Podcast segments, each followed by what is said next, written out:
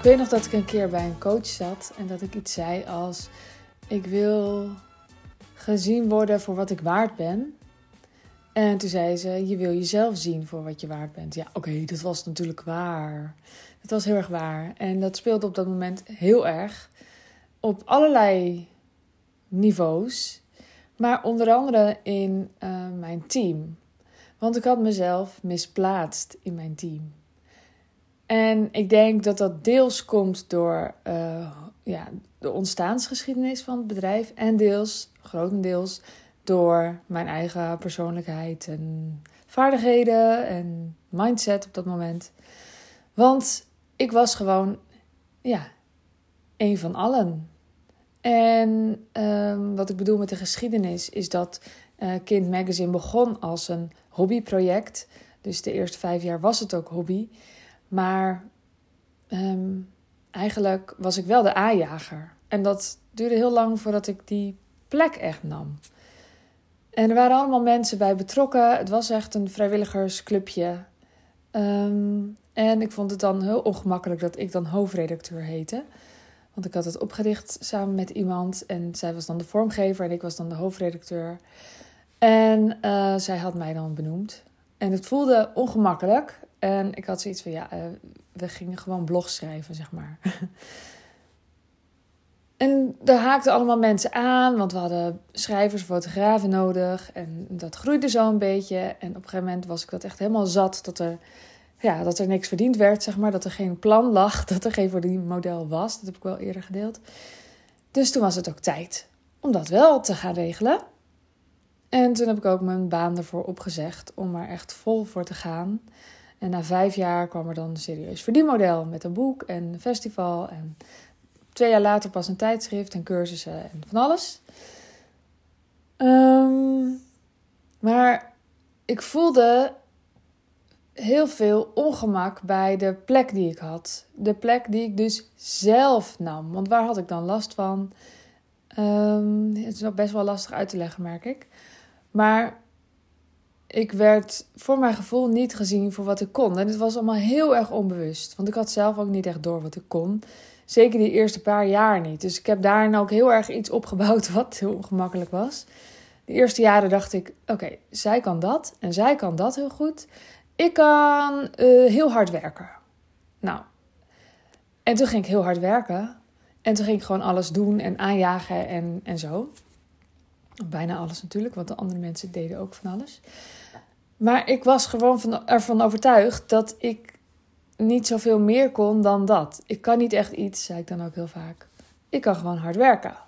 Nou, um, de versie van Sandy van nu kan tegen de versie van toen zeggen: um, Ik kan het niet meer. Dus het is maar goed dat ik ontdekt heb dat ik wel dingen kan, anders dan hard werken. Want hard werken kan ik niet meer sinds ik, denk sinds ik overspannen ben geweest.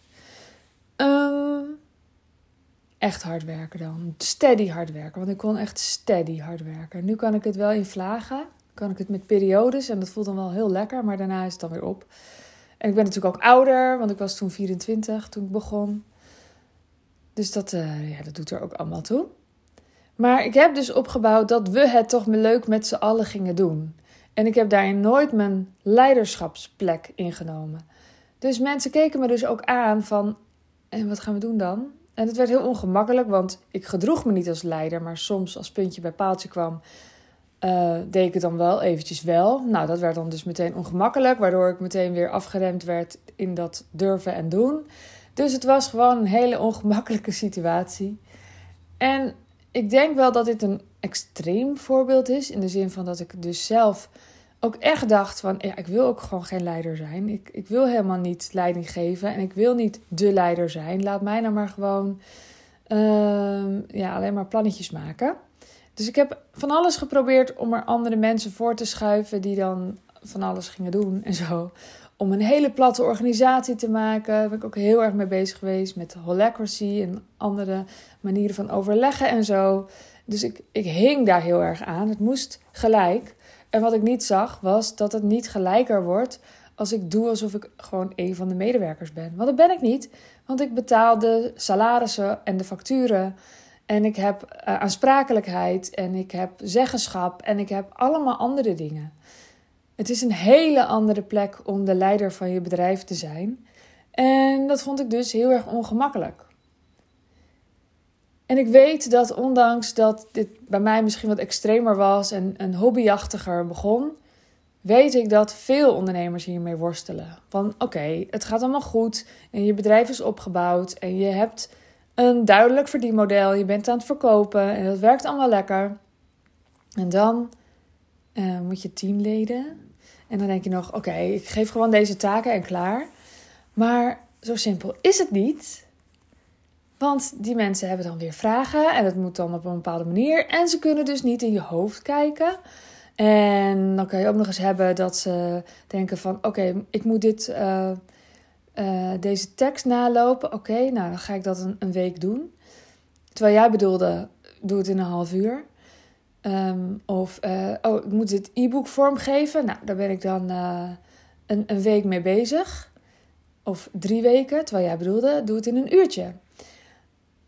Weet je, eh, je hebt gewoon allerlei kaders nodig. Want mensen kunnen niet in je hoofd denken.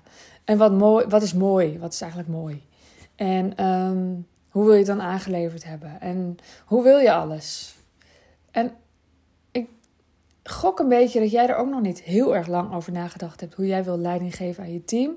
Als jij net bezig bent met, nou ja, je bedrijf staat en je hebt wat dingetjes uitbesteed aan mensen ja, kan ik me dus goed voorstellen dat je denkt: um, en nu dan? Dit is toch niet zo makkelijk als ik dat ik dacht, dus ik ga het maar weer zelf doen, want ze snappen er niks van en ik kan het toch veel beter. Of uh, mensen trekken het niet als je feedback geeft, omdat je bijvoorbeeld, net als ik, geen leiderschap had getoond. En het is heel raar als een niet-leider ineens feedback gaat zitten geven. Als leider. Snap je? Het is, niet zo, het is niet zo simpel. Het is niet zo simpel. Maar mocht jij ook het gevoel hebben van... Ik word niet gezien voor wat ik waard ben. Of dat nou klanten zijn, teamleden, uh, volgers. Ik heb daar laatst een podcast over gemaakt. Kan het niet zo zijn dat jij jezelf niet... Uh, ja... Dat je zelf niet landt in, in, in, in wat je waard bent kun je daarin naar jezelf kijken. En kun je daarin kijken naar um, hoe je gezien wil worden. Nou, ik denk dat dat wel een eerste stap is om door anderen ook gezien worden, te worden voor wat je waard bent. Ik ben ook heel benieuwd of jij al uh, uitbesteedt, of je een team hebt, of dat werkt. Of dat je denkt, oh my god, dit werkt dus helemaal niet. Laat me dat vooral even weten en stuur me een berichtje op um, Sandy Zachte op Instagram. En uh, ik hoor heel graag van je. Dan wens ik je voor nu een hele fijne ochtend, middag, avond, nacht. En tot de volgende keer. Doei doei!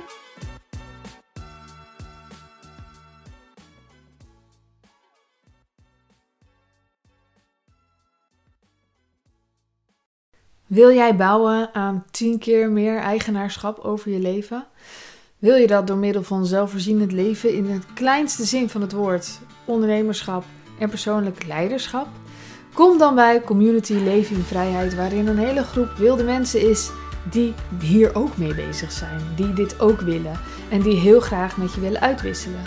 Over moestuinieren, over grootse plannen, over hun eigen bedrijf opbouwen, over allerlei aspecten die allemaal samen zorgen voor een een leven buiten de logge systemen. Ga naar wildemens.nl als je erbij wilt.